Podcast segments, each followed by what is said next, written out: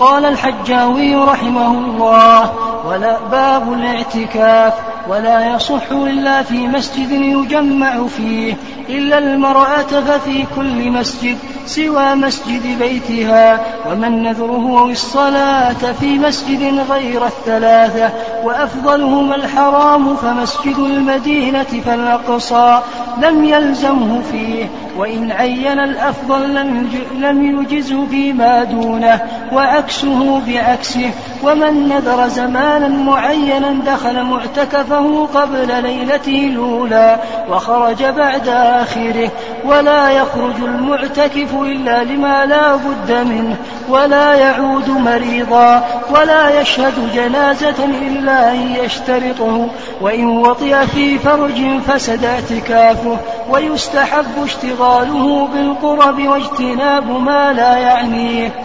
كتاب المناسك. بسم الله الرحمن الرحيم. إن الحمد لله نحمده ونستعينه ونستغفره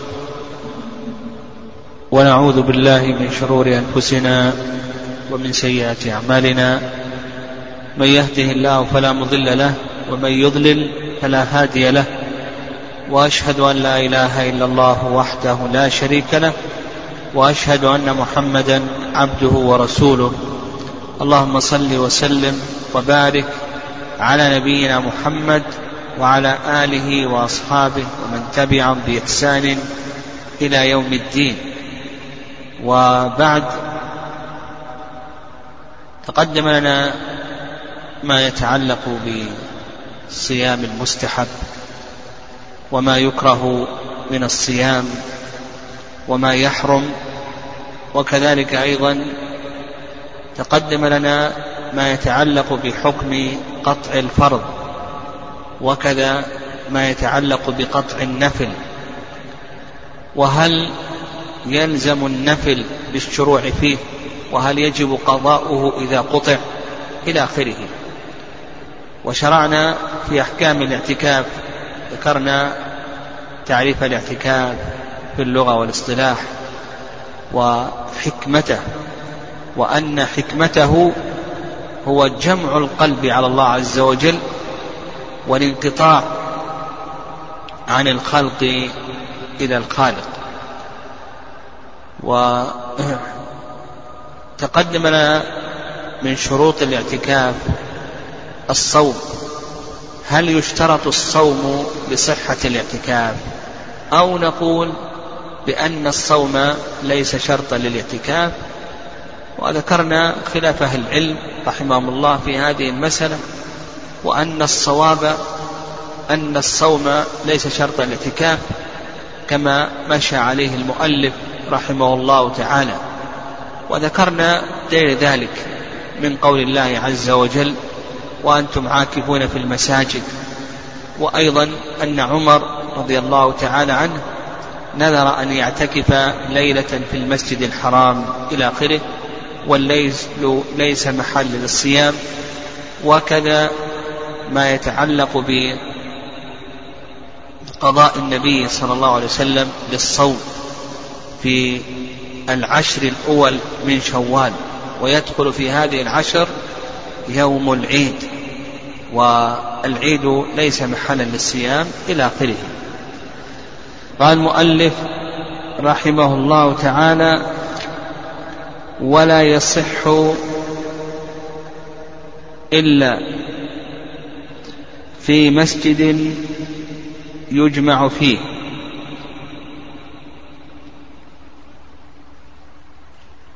هذا الشرط الثاني الذي ذكره المؤلف رحمه الله. من شروط صحة الاعتكاف. أن يكون الاعتكاف في مسجد تقام فيه الجماعة. والمعتكف لا يخلو من حالتين. الحالة الأولى أن يكون رجلا والحالة الثانية أن يكون امرأة. أما الحالة الأولى وهي ما إذا كان المعتكف رجلا. فيقول لك المؤلف رحمه الله تعالى لا يصح الاعتكاف إلا في مسجد يجمع فيه. يعني تقام فيه الجماعة. ودليل ذلك قول الله عز وجل وأنتم عاكفون في المساجد.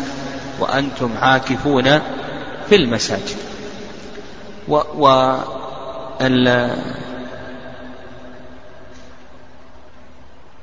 وأيضا سنة النبي صلى الله عليه وسلم تدل لذلك فإن النبي عليه الصلاة والسلام اعتكف في مسجده.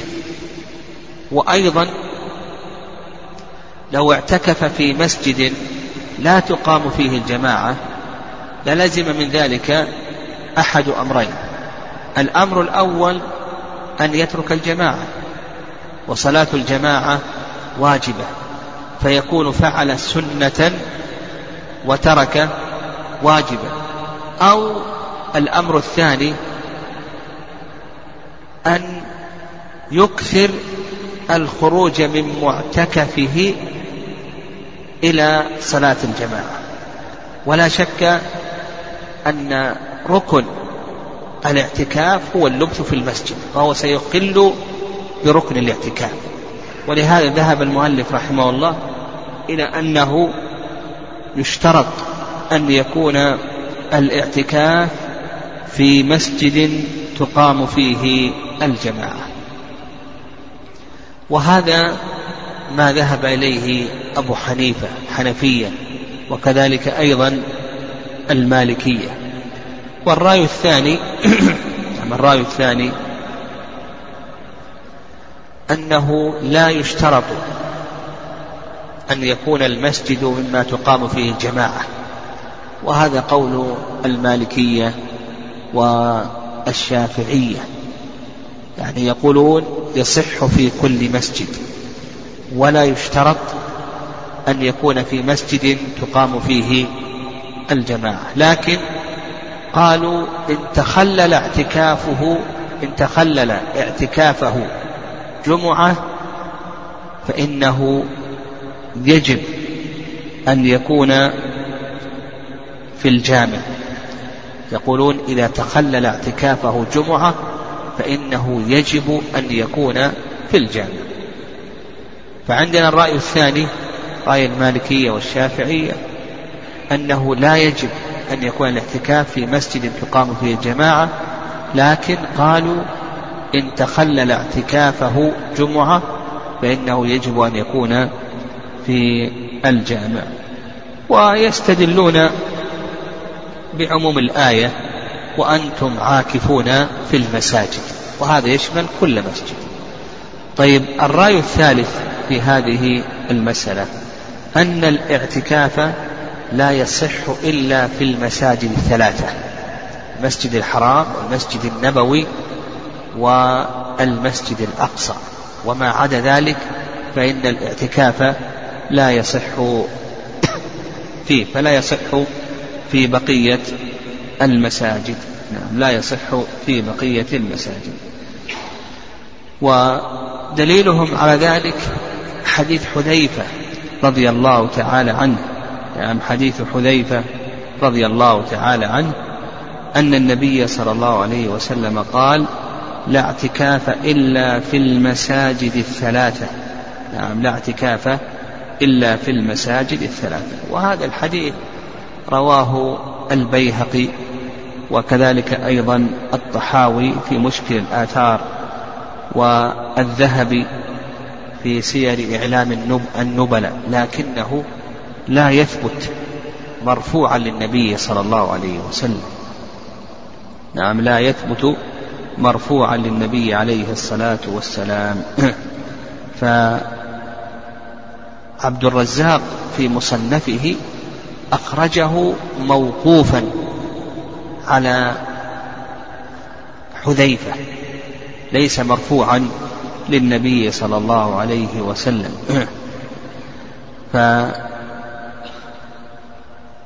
فعبد الرزاق أوثق من غيره ممن رفعه إلى النبي عليه الصلاة والسلام كمحمد بن آدم فقد اضطرب في متنه وكذلك أيضا هشام بن عمار ومحمد بن فرج. عبد الرزاق أوثق من هؤلاء وقد أوقفه على حذيفة. ولو فرض أنه صحيح وأنه ثابت فإنه يحمل على ماذا؟ على الكمال. يعني لا اعتكاف كامل إلا في المساجد الثلاثة. لأن الاعتكاف توفرت فيه شروطه وأركانه. وعلى هذا نقول لو فرض ثبوته نقول لا اعتكاف كامل إلا في المساجد الثلاثة. فالأقرب في هذه المسألة ما ذهب إليه الحنفية والحنابلة وهو قول وسط وأن الاعتكاف يصح في كل مسجد تقام فيه الجماعة. قال المؤلف رحمه الله تعالى إلا المرأة ففي كل مسجد سوى مسجد بيتها. المرأة هذه الحالة الثانية. المرأة يقول لك المؤلف رحمه الله تعالى يصح أن تعتكف في كل مسجد إلا مسجد بيتها. وهذا ما عليه جمهور أهل العلم رحمهم الله تعالى. وعلى هذا نعم ويخالف في ذلك الحنفية. الحنفية يخالفون في هذه المسألة. فيرون أن المرأة يصح أن تعتكف في مسجد بيتها. يعني والصواب ما عليه جمهور أهل العلم رحمهم الله. وأن المرأة لا بد أن تعتكف في المسجد العام وأنه لا يصح أن تعتكف في مسجد بيتها. ويدل لذلك اعتكاف أزواج النبي صلى الله عليه وسلم في مسجده. لو صح اعتكاف المرأة في مسجد بيتها لا أرشد النبي صلى الله عليه وسلم إلى ذلك أزواجه إلى آخره. ولهذا لما ضربن أخبيتهن إلى آخره. قال النبي صلى الله عليه وسلم آل بر أردنا. فأنكر النبي صلى الله عليه وسلم عليهن فالصواب في هذه المسألة ما عليه جمهور أهل العلم رحمهم الله تعالى وأن المرأة تعتكف في كل مسجد. نعم إلا مسجد بيتها. طيب وش يكون هناك وش يكون الفرق بين الرجل وبين المرأة؟ ما هو الفرق بين الرجل وبين المرأة؟ الرجل يشترط أن يكون المسجد مما تقام فيه الجماعة. أما المرأة فلا يشترط أن يكون المسجد مما تقام فيه الجماعة لأن المرأة ليست من أهل الجمع والجماعات. فلو فرض أن عندنا مسجدا هجره الناس لا يصلون فيه. فالرجل لا يصح أن يعتكف فيه. لكن بالنسبة للمرأة يصح أن تعتكف. فيقول المؤلف رحمه الله إلا المرأة ففي كل مسجد سوى مسجد بيتها.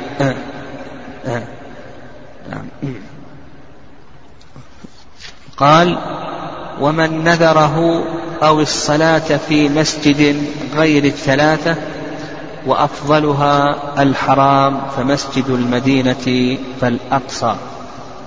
ومن نذره يعني نذر الاعتكاف يعني الضمير يعود إلى الاعتكاف أو الصلاة. نذر الاعتكاف في أحد المساجد الثلاثة أو الصلاة يعني نذر الصلاة في أحد المساجد الثلاثة فيقول لك المؤلف رحمه الله تعالى وأفضلها الحرام فمسجد المدينة فالأقصى لم يلزم نعم. لم يلزمه وإن عين الأفضل لم يجز فيما دونه وعكسه بعكسه إذا نذر الاعتكاف أو الصلاة في مسجد غير المساجد الثلاثة. نذر الاعتكاف أو الصلاة. هذه المسألة لها حالتان. الحالة الأولى أن ينذر الصلاة أو الاعتكاف في غير المساجد الثلاثة في غير المسجد الحرام المسجد النبوي والمسجد الأقصى. يقول لك المؤلف رحمه الله لا يلزم. فمثلا لو قال لله علي أن أصلي في الجامع الفلاني في البلد الفلاني لا يجب عليه أن يوفي به. لو قال الله علي أن أعتكف في المسجد الفلاني في البلد الفلاني يقول لك المؤلف رحمه الله تعالى لم يلزم يعني لا يجب عليه أن أن يوفي بنذره فيما يتعلق بالمكان. وأما العبادة فإنه يجب عليه أن يوفي بها. وهذا قول جمهور أهل العلم. وما دليلهم على ذلك؟ قالوا يلزم من القول بوجوب الوفاء في المسجد الذي عينه ماذا؟ شد الرحال. يلزم يترتب على ذلك أن يشد الرحل إلى هذه المسجد إلى هذا المسجد. والرحال لا تسد لا تشد إلا إلى ثلاثة مساجد. المسجد الحرام ومسجد هذا والمسجد الأقصى. هذه البقع الثلاث. ما في بقع تشد لها الرحال إلا هذه الثلاث البقع فقط. المسجد الحرام والمسجد النبوي والمسجد الأقصى قالوا لا يلزم لماذا؟ لأنه يترتب على ذلك لو قلنا باللزوم شد الرحل إلى غير هذه المساجد الثلاثة التي نهى النبي صلى الله عليه وسلم عن شد الرحال إلا إليها وهذا قول جمهور أهل العلم رحمهم الله تعالى. والرأي الثاني الرأي الثاني ذهب إليه ابن قدامة رحمه الله تعالى أنه يلزمه إذا كان له ميزة شرعية. يعني إذا كان له ميزة شرعية فإنه ولم يترتب على ذلك نعم نعم لم يترتب على ذلك شد الرحل نعم اختيار شيخ الإسلام. ابن قدامة قال يلزمه إذا لم يترتب على ذلك شد الرحل شيخ الإسلام قال يلزمه إذا كان له ميزة شرعية. ولنفرض أن هذا المسجد له ميزة شرعية. مثلا آه، كونه آه، قديما. نعم.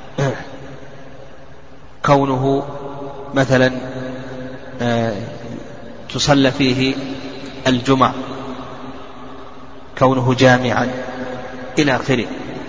المهم إذا كان له ميزة شرعية ككونه جامعا مثلا أو كونه قديما عتيقا أو كونه بعيدا ونحو ذلك فإنه يجب عليه أن يوفي به ما دام أنه لا يترتب عليه شد الرحم.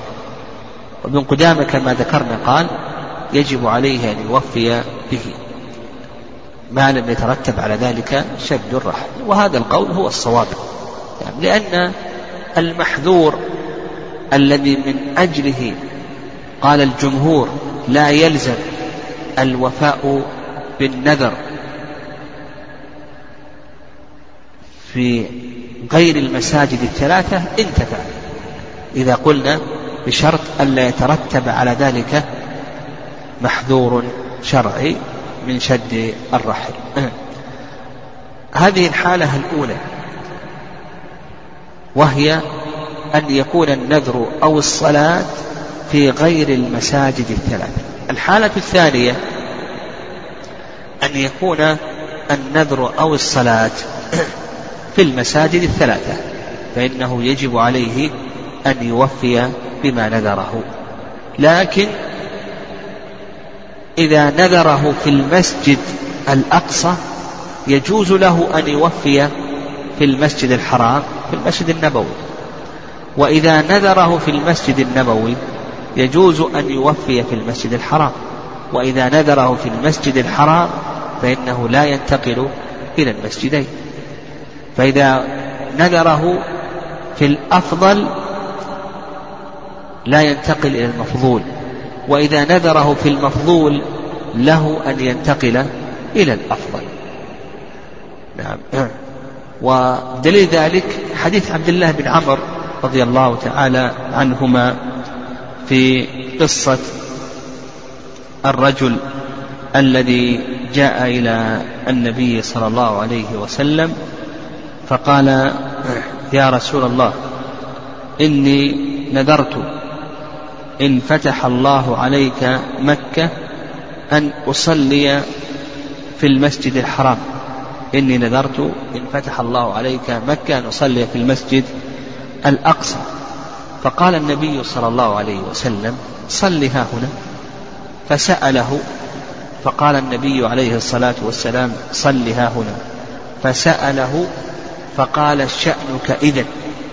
يعني قال النبي صلى الله عليه وسلم شأنك إذن. وهذا الحديث خرجه أبو داود والدارمي وابن الجارود وغيرهم. و صححه الحاكم كذلك أيضا ابن دقيق العيد إلى آخره. وهذا يدل على أنه إذا نذر في المفضول فله أن ينتقل إلى الأفضل. قال المؤلف رحمه الله تعالى وأفضلها الحرام. يعني يقول المؤلف رحمه الله تعالى أفضل المساجد المسجد الحرام. يعني ثم بعد ذلك مسجد المدينة.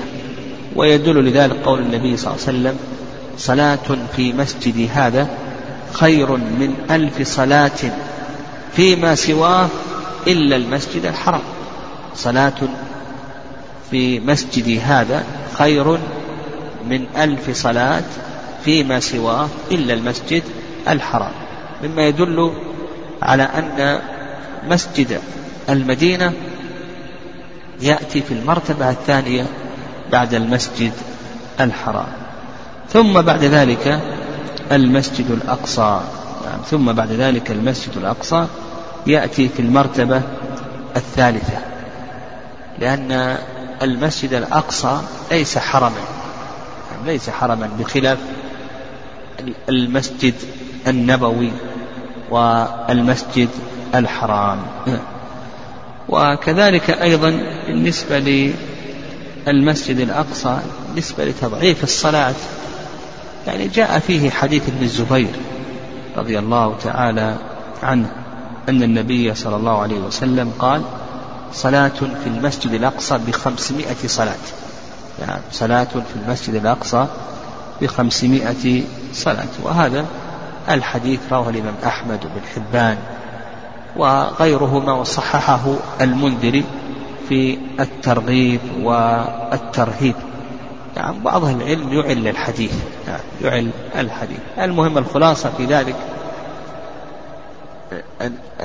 الترخيص في شد الرحل إلى المسجد الأقصى يدل على أفضليته. والخلاصة في ذلك أن أفضل المساجد هو المسجد الحرام ثم بعد ذلك المسجد النبوي ثم بعد ذلك المسجد الأقصى. قال المؤلف رحمه الله تعالى وإن عين الأفضل لم يجز فيما دونه. يعني إذا عين الأفضل المسجد الحرام فإنه لا يجوز في المسجدين الباقيين ولا يجوز في بقية المساجد من باب أولى. قال وعكسه بعكسه عكسه بعكسه. يعني إذا عين المفضول فإنه يجوز في الأفضل. فإذا عين الأقصى جاز في المسجد النبوي في المسجد الحرام وإذا عين المسجد النبوي جاز في المسجد الحرام. قال نعم نحن ذكرنا في الحديث السابق في قصة الرجل حديث عبد الله بن عمر أو حديث جابر يعني حديث جابر رضي الله تعالى عنه. قال المؤلف ومن نذر زمنا معينا دخل معتكفه قبل ليلته الأولى وخرج بعد آخره. إذا نذر زمنا. نعم إذا نذر زمنا من الأزمنة. هذا الزمن قد يكون معينا وقد يكون غير معين. فإذا كان معينا فإنه يشترط فيه التتابع لأن التعيين يقتضي التتابع. وإن كان غير معين فإنه لا يشترط التتابع وعلى هذا نقول من نذر زمنا من الأزمنة أن يعتكف هذا الزمن نقول بأن هذا لا يخلو من أقسام. نعم لا يخلو من أقسام. القسم الأول القسم الأول أن ينذر اعتكاف يوم من الأيام. نعم أن ينذر اعتكاف يوم من الأيام فإنه يدخل متى؟ يدخل قبل طلوع الفجر الثاني ويخرج بعد غروب الشمس. يدخل قبل طلوع الفجر الثاني ويخرج بعد غروب الشمس لأن هذا هو اليوم الشرعي. ثم أتم الصيام إلى الليل. نعم. قال الله عز وجل وكلوا واشربوا حتى يتبين لكم الخيط الأبيض من الخيط الأسود من الفجر ثم أتم الصيام إلى الليل والليل بدءه لغة بغروب الشمس. القسم الثاني أن ينذر اعتكاف ليلة من الليالي فإنه يدخل قبل غروب الشمس ويخرج بعد طلوع الفجر لأن هذا هو الليل. هذا هو الليل. القسم الثالث يعني القسم الثالث أن ينذر اعتكاف أسبوع. فإذا نذر اعتكاف أسبوع فإنه لا يخلو من أمرين. الأمر الأول أن يعين أن يعين. يقول لله علي نذر أن أعتكف الأسبوع الأول من العشر الأواخر من شهر رمضان. إذا عين إذا قال نذر اعتكاف أسبوع. نقول لا يخلو من حالتين. الحالة الأولى أن يعين. فإذا عين فإنه يجب عليه ماذا؟ ها؟ التتابع. لأن التعيين يقتضي التتابع. التعيين يقتضي التتابع. الحالة الثانية ألا يعين وإنما يقول أسبوع من العشر الأواخر أو أسبوع من شهر رمضان. فإذا لم يعين فإنه لا يجب عليه أن يتابع وإنما يعتكف سبعة أيام من شهر رمضان أو من العشر الأواخر ولا يجب عليه أن تكون متتابعة إلا إذا شرط ذلك أو نواه. فإذا شرط ذلك أو نواه فإنه يجب عليه أن يتابع.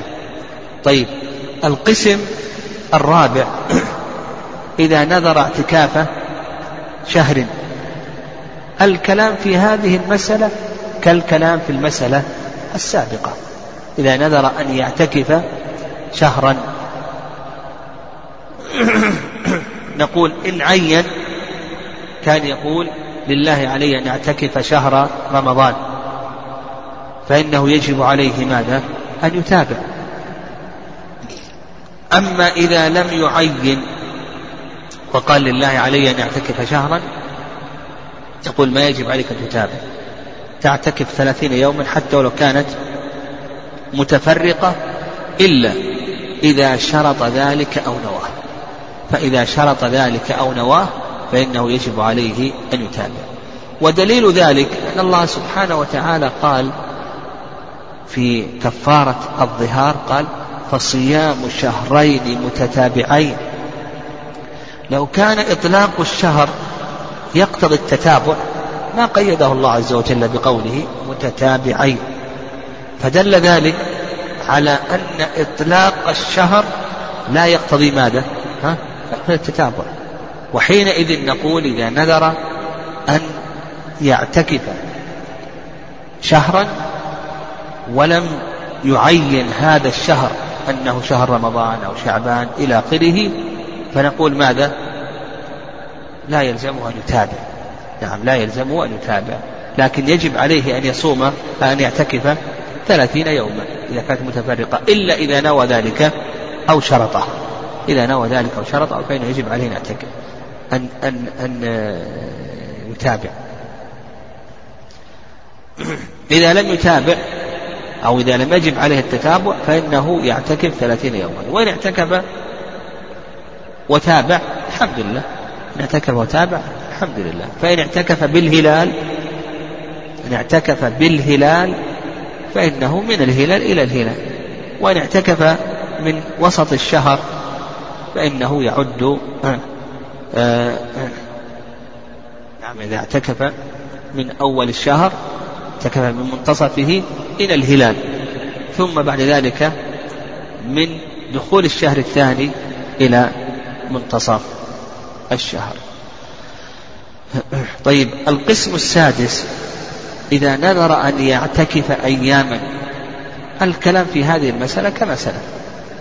إذا نذر أن يعتكف أياما. كان لو قال لله أن يعتكف ثلاثة أيام. أو أن يعتكف أربعة أيام أو نحو ذلك.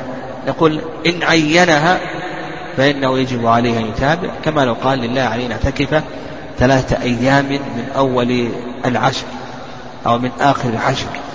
فهنا يجب عليه أن يتابع. وإن لم يعين فإنه لا يجب عليه أن يتابع إلا إذا شرط ذلك أو نواه فإذا شرط ذلك أو نواه فإنه يجب عليه أن يتابع قال المؤلف رحمه الله ومن نظر زمنا معينا دخل معتكفه قبل ليلته وخرج بعد آخره. نعم. قال ولا يخرج المعتكف إلا لما لا بد منه. كما أشرنا ركن الاعتكاف هو اللبث في المسجد. نعم ركن الاعتكاف هو اللبث في المسجد. لأن الاعتكاف هو لزوم المسجد لطاعة الله عز وجل. نعم لزوم المسجد لطاعة الله عز وجل. فركن الاعتكاف هو ملازمة المسجد واللبث به. ولهذا جعل المؤلف رحمه الله تعالى أن الخروج من المعتكف أنه مبطل للاعتكاف. وهل الخروج يبطل دائما أو مطلقا؟ أو نقول لا يبطل مطلقا؟ نقول الخروج من المعتكف ينقسم إلى أقسام. يعني خروج المعتكف من معتكفه نقول ينقسم إلى أقسام. القسم الأول إخراج بعض البدن. إخراج بعض البدن المعتكف إذا أخرج بعض بدنه. فإن هذا جائز ولا بأس به. مثلا لو أخرج يده من النافذة لكي يأخذ شيئا أو نحو ذلك فنقول بأن هذا جائز ولا بأس به. ويدل لذلك حديث عائشة رضي الله تعالى عنها أن النبي صلى الله عليه وسلم كان يدخل عليها رأسه وهو معتكف. فترجله وهي في حجرتها. فهنا خروج لبعض البدن. فنقول بأن هذا جائز ولا بأس به إن شاء الله. طيب القسم الثاني أن يخرج لأمر لا بد منه طبعا. أن يخرج لأمر لا بد منه طبعا. فنقول أيضا هذا لا يضر بالاعتكاف. كما لو خرج لقضاء الحاجة أو خرج للأكل إذا كان لا يتمكن من أن يأكل في المسجد أو يحتشم أن يأكل في المسجد. يعني ليس هناك خباء يستتر فيه ويحتشم أن يأكل أمام الناس ونحو ذلك. فهذا أمر لا بد منه طبعا. فنقول بأنه لا يضر الاعتكاف. وقد ذكرت عائشة رضي الله تعالى عنها أن النبي صلى الله عليه وسلم كان يخرج لحاجة الإنسان. نعم. طيب القسم الثالث أن يخرج لأمر لا بد له منه شرعا. نعم لا بد له منه شرعا. فهذا أيضا لا يضر الاعتكاف. كما لو خرج للوضوء أو خرج لصلاة الجمعة ونحو ذلك فإن هذا لا يضر اعتكافه. القسم الرابع نعم القسم الرابع أن يخرج لقربة من القرب. أن يخرج لقربة من القرب يعني عبادة من العبادات. كما لو خرج لطلب العلم أو لسماع محاضرة أو لعيادة مريض أو لتشييع جنازة أو لصلة رحم أو غير ذلك خرج لقربة من القرب فهذا موضع خلاف بين العلماء رحمهم الله. هل يجوز أن يخرج بالشرط؟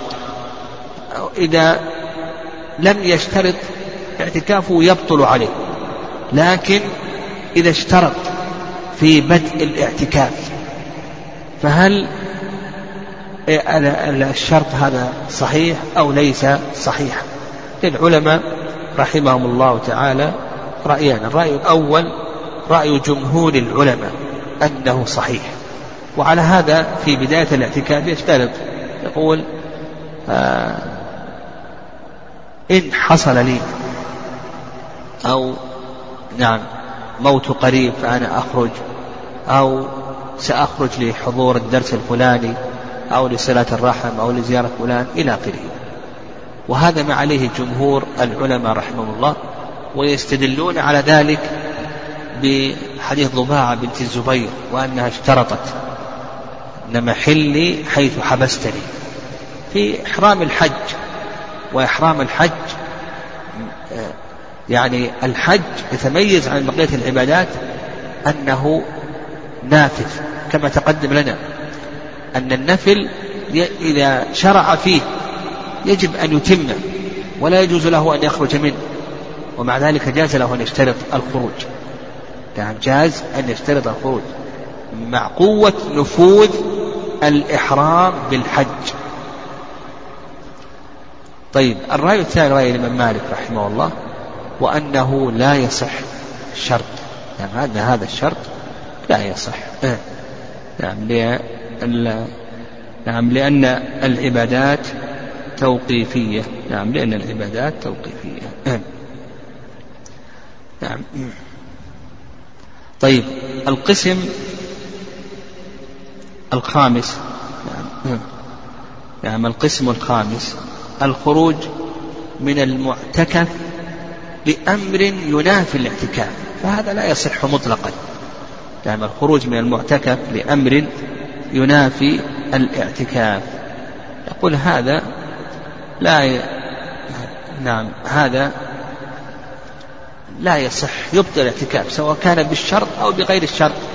لو خرج لكي يبيع أو لكي يشتري أو آه، خرج لكي يجامع أهله أو يستمتع بزوجته ونحو ذلك.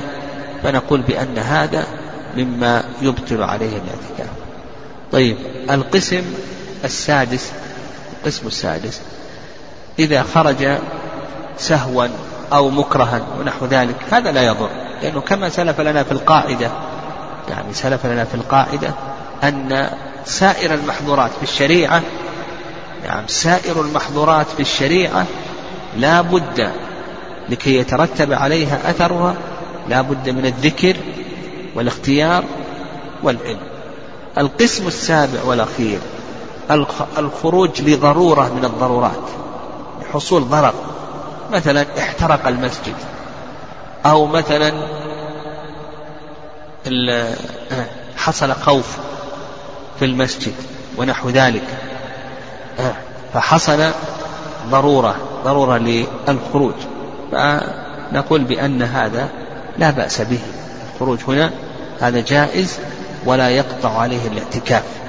يعني لا يقطع عليه الاعتكاف. إذا اضطر إلى الخروج فنقول بأن هذا جائز ولا يقطع عليه الاعتكاف وإذا انتهت ضرورته فإنه يرجع. قال ولا يخرج المعتكف إلا لما لا بد منه. والخروج نعم من مبطلات الاعتكاف. قال ولا يعود مريضا ولا يشهد جنازة إلا أن يشترط هذا تكلمنا عليه. ذكرنا فيما يتعلق بالخروج لقربة من القرب وأنه إذا خرج لقربة من القرب إن اشترط ذلك فالجمهور أنه صحيح وعند الإمام مالك رحمه الله أنه لا يصح ولو بالشرط. قال رحمه الله وإن وطئ في فرج فسد اعتكافه. هذا المبطل الثاني. من مبطلات الاعتكاف. مما يبطل الاعتكاف الاعتكاف يبطل بالمبطلات. الأول خروج من المسجد تقدم الكلام عليه. الثاني الثاني الجماع. الجماع هذا مبطل من مبطلات الاعتكاف. فمثلا لو فرض أنه خرج إلى بيته من أجل قضاء حاجة أو وضوء ونحو ذلك لم يكن في المسجد وضوء أو فيه ويحتشم ما يتمكن من الوضوء وخرج إلى بيته. ثم وطئ زوجته فنقول بأن اعتكافه يبطل عليه. ودليل ذلك قول الله عز وجل ولا تباشروهن وأنتم عاكفون في المساجد وهذا باتفاق الأئمة. يعني هذا باتفاق الأئمة. طيب المبطل الثالث مباشرة الزوجة. لو أنه باشر زوجته يعني هو ما جامعها لكن نظر إليها بشهوة أو مسها بشهوة ونحو ذلك. باشر هذه الزوجة. فهل يفسد اعتكافه أو لا يفسد اعتكافه؟ العلماء رحمهم الله تعالى في ذلك رأيان. الرأي الأول أنه لا يفسد اعتكافه. نعم الرأي الأول أنه لا يفسد اعتكافه. وقالوا بأن الأصل هو صحة الاعتكاف. الأصل هو صحة الاعتكاف. والمباشرة أقل من الجماع. نعم المباشرة أقل من الجماع. والرأي الثاني أنه يفسد اعتكافه. نعم الرأي الثاني أنه يفسد اعتكافه لقول الله عز وجل ولا تباشروهن وأنتم عاكفون في المساجد. فهذه المباشرة تشمل الجماع وما دون الجماع إلى آخره. والصحيح في هذه المسألة أن اعتكافه لا يفسد عليه.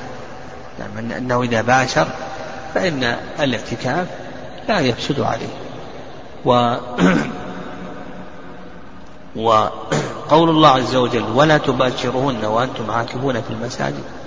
المقصود بالمباشرة هنا الجماع كما ورد ذلك عن ابن عباس رضي الله تعالى عنهما بإسناد صحيح.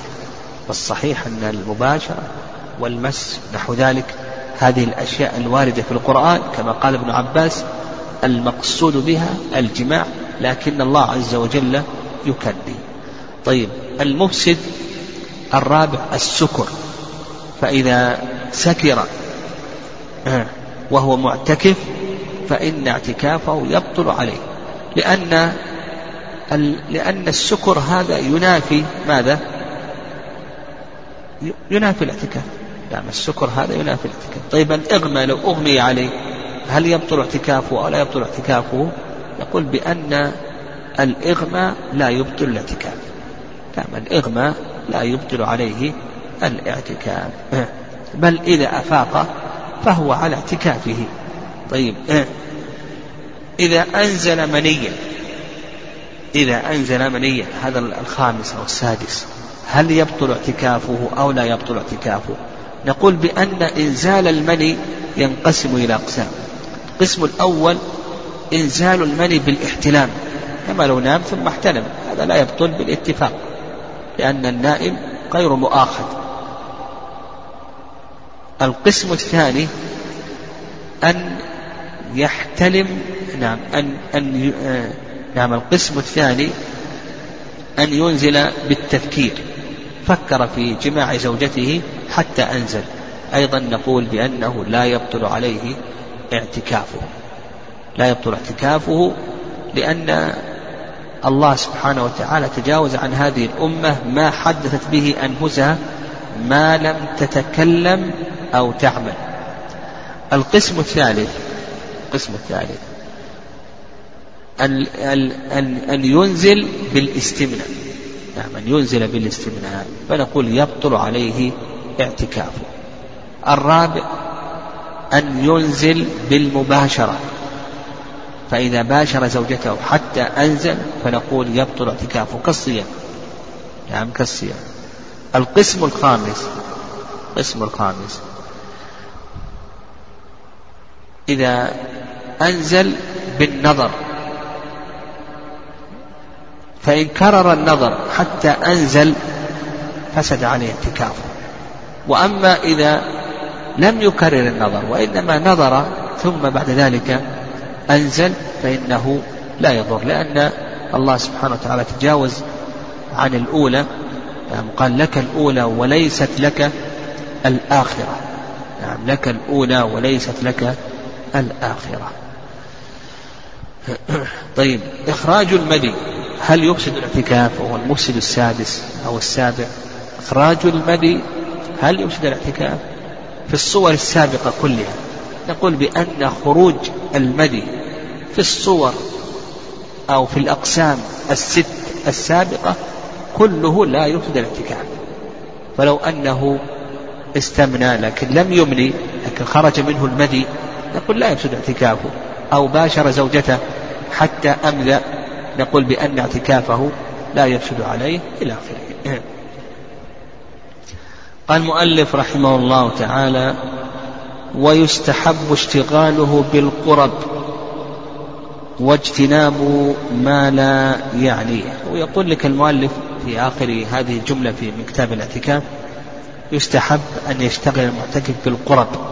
وهم يقولون يستحب للمعتكف أن يشتغل بالقرب المحضة بالعبادات المحضة كقراءة القرآن والدعاء والصلاة والذكر ونحو ذلك لأن الحكمة من الاعتكاف هو جمع القلب على الله سبحانه وتعالى والانقطاع عن الخلق إلى الخالق إلى آخره. وأما القرب غير المحضة القرب المتعدية كتعليم العلم وإقراء القرآن ونحو ذلك والدعوة إلى الله عز وجل فيقول لك المؤلف ما يشتغل بها المعتكف أو يقولون الفقهاء لا يشتغل بها المعتكف. والصحيح في ذلك أنه يشتغل بالجميع. يعني الصحيح في ذلك أنه يشتغل بتعلم العلم وتعليمه وتدريسه وإقراء القرآن ويشتغل أيضا بالعبادات المحضة والزمن طويل ولله الحمد. كل هذه كل هذه العبادات سواء كانت محضة أو كان نفعها متعديا هذه كلها طريق لصلاح القلب وتعلقه بالله سبحانه وتعالى. قال لك المؤلف واجتناب ما لا يعنيه. يعني اجتناب ما لا يعنيه. يعني المعتكف يجتنب ما لا يعنيه. من حسن إسلام المرء تركه ما لا يعنيه. نعم. نعم من حسن إسلام المرء تركه ما لا يعنيه. نعم.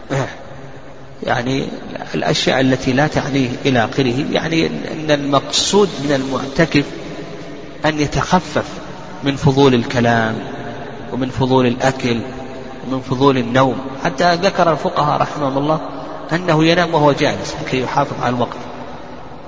ليس المقصود من المعتكف أن يجعل أن يجعل مكان الاعتكاف مكانا لكثرة الكلام والتحدث مع بقية المعتكفين ونحو ذلك لا المقصود هو صلاح القلب.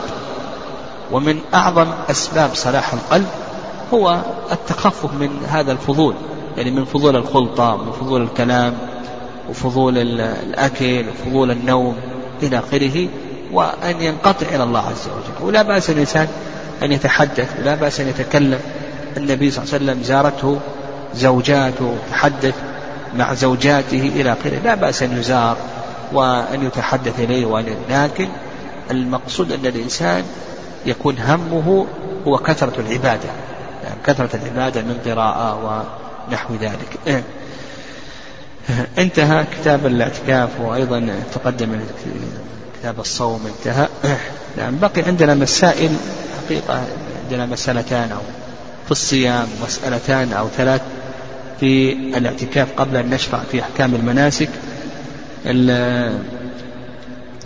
ال ما ذكر المؤلف رحمه الله قدر الاعتكاف. وما هو قدر الاعتكاف؟ وما أقله أكثر أهل العلم يقولون بأن أقل بأن أقل الاعتكاف لحظة.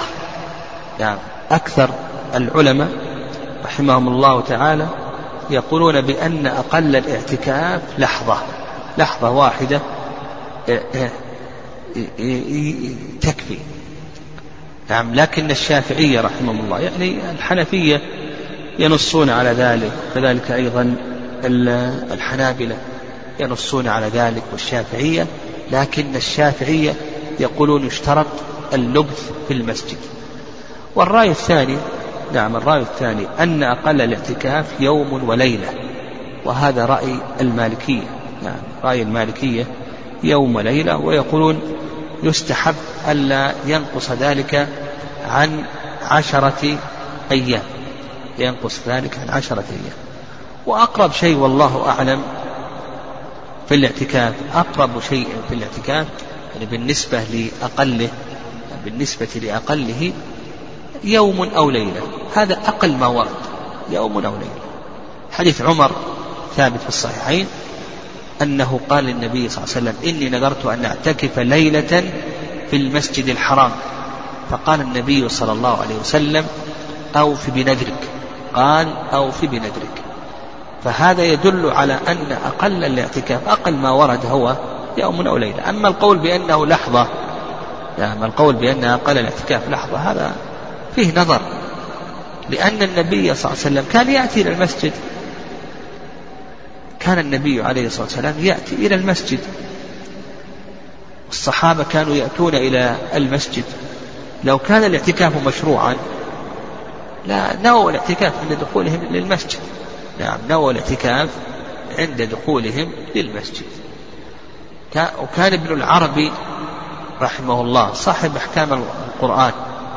كان إذا أراد أن يدخل المسجد قال لطلابه يقول لطلابه انووا الاعتكاف تنالوا فضله انووا الاعتكاف تنالوا فضله لكن هذا يعني هذا فيه نظر يعني هذا فيه نظر يعني لأنه أقل ما ورد الله أعلم يوم أو ليلة فأقل شيء ولأن الحكمة من الاعتكاف هو أن يجمع المسلم قلبه على الله عز وجل.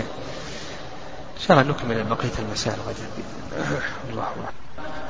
كنا انهينا في الدرس السابق ما يتعلق بأحكام الاعتكاف.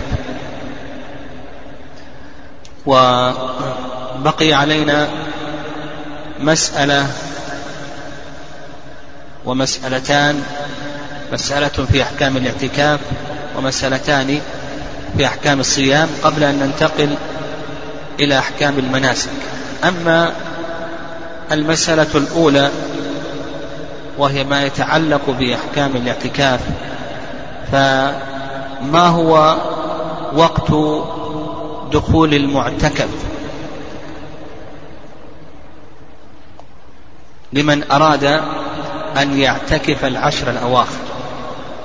إذا أراد المسلم أن يعتكف يوما أو يعتكف ليلة إلى آخره فإن وقت الدخول فإن وقت دخول المعتكف إذا أراد أن يعتكف يوما يكون قبل طلوع الفجر إلى غروب الشمس وإن أراد أن يعتكف ليلة دخل معتكفه قبل غروب الشمس إلى طلوع الفجر. لكن إذا أراد أن يعتكف العشر الأواخر كلها فجمهور أهل العلم أنه يدخل قبل غروب الشمس من اليوم العشرين. بمعنى أنه يكون في معتكفه ليلة إحدى وعشرين. ودليلهم على ذلك أن النبي صلى الله عليه وسلم اعتكف العشر الأول من رمضان ثم اعتكف العشر الأواسط. ثم اعتكف العشر الأواخر كل ذلك يتطلب ليلة القدر. لما أوحي للنبي صلى الله عليه وسلم أنها في العشر الأواخر استقر اعتكافه في العشر الأواخر. وليلة إحدى وعشرين مما يرجى فيها ليلة القدر. بل في حديث أبي سعيد رضي الله تعالى عنه أن النبي صلى الله عليه وسلم أري في المنام أنه يسجد, يسجد صبيحة إحدى وعشرين بماء وطين. يقول أبو سعيد فمطرت تلك الليلة ليلة إحدى وعشرين فوقف المسجد فانصرف النبي صلى الله عليه وسلم من صلاة الفجر وأثر الماء والطين على جبهته. مما يدل على أن ليلة القدر في ذلك العام كانت ليلة إحدى وعشرين. والرأي الثاني ذهب إليه بعض السلف أنه يدخل معتكفه بعد صلاة الصبح من اليوم الحادي والعشرين واستدلوا على ذلك بحديث عائشة رضي الله تعالى عنها. بحديث عائشة رضي الله تعالى عنها أن النبي صلى الله عليه وسلم كان إذا صلى الصبح دخل معتكفة. رواه مسلم. كان إذا صلى الصبح دخل معتكفة. لكن أجاب الجمهور عن ذلك. نعم أجابوا عن ذلك. قالوا بأن المراد بقول عائشة رضي الله تعالى عنها إذا صلى الصبح دخل معتكفا المراد بذلك الاعتكاف الخاص. بمعنى أن أن آه، أن أن أن النبي صلى الله عليه وسلم كان في جملة المسجد فإذا صلى الصبح دخل النبي صلى الله عليه وسلم آه، الاعتكاف آه، المعتكف الخاص كخباء يضرب له ونحو ذلك بحيث يستتر عن أعين الناس. المسألة الثانية ما يتعلق بصوم الدهر.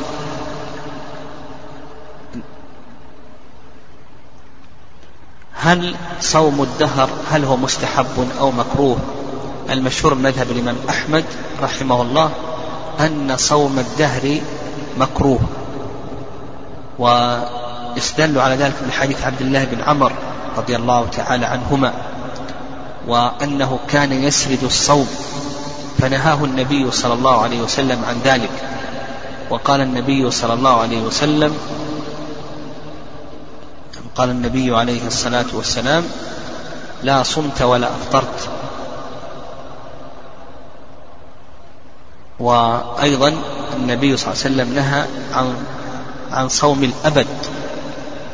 والرأي الثاني رأي جمهور رأي جمهور أهل العلم أن صوم الدهر مستحب واستدلوا بحديث حمزة بن عمرو الأسلمي رضي الله تعالى عنه وأنه كان يسرد الصوم فأقره النبي صلى الله عليه وسلم على ذلك. والرأي الثالث رأي ابن حزم رحمه الله وهو أن صوم الدهر أنه محرم ولا يجوز لأن النبي صلى الله عليه وسلم نهى عن ذلك. النبي عليه الصلاة والسلام نهى عن ذلك. والنهي يقتضي التحريم. وأقرب الأقوال في هذه المسألة هو ما ذهب إليه الحنابلة رحمهم الله تعالى وأن صوم الدهر أو سرد الصيام يعني سرد الصيام أنه مكروه لأن النبي صلى الله عليه وسلم نهى آه، عبد الله بن عمر رضي الله تعالى عنهما عن ذلك إلا إذا أدى هذا الصيام إلى ترك واجب. إذا أدى إلى ترك واجب من الواجبات كحق من حقوق الله أو حق من حقوق الآدميين فإنه يكون محرما كما ذهب إليه ابن حزم رحمه الله تعالى. المسألة الأخيرة ما يتعلق بالوصال والوصال هو أن يقرن صيام يومين أو أكثر دون أن يفطر بين بينهما أو بينها. هذا أيضا موضع خلاف بين أهل العلم رحمهم الله تعالى والمشهور من مذهب الإمام أحمد رحمه الله أنه مكروه يعني أن يقرن صيام يومين دون أن يفطر بينها أو أكثر أن هذا مكروه. والرأي الثاني أنه محرم ولا يجوز. ومن قال بالكراهة أو قال بالتحريم كلهم يستدلون بنهي النبي صلى الله عليه وسلم عن الصحابة رضي الله تعالى عنهم عن الوصال. فقالوا يا رسول الله إنك تواصل. فقال عليه الصلاة والسلام إني لست كهيئتكم.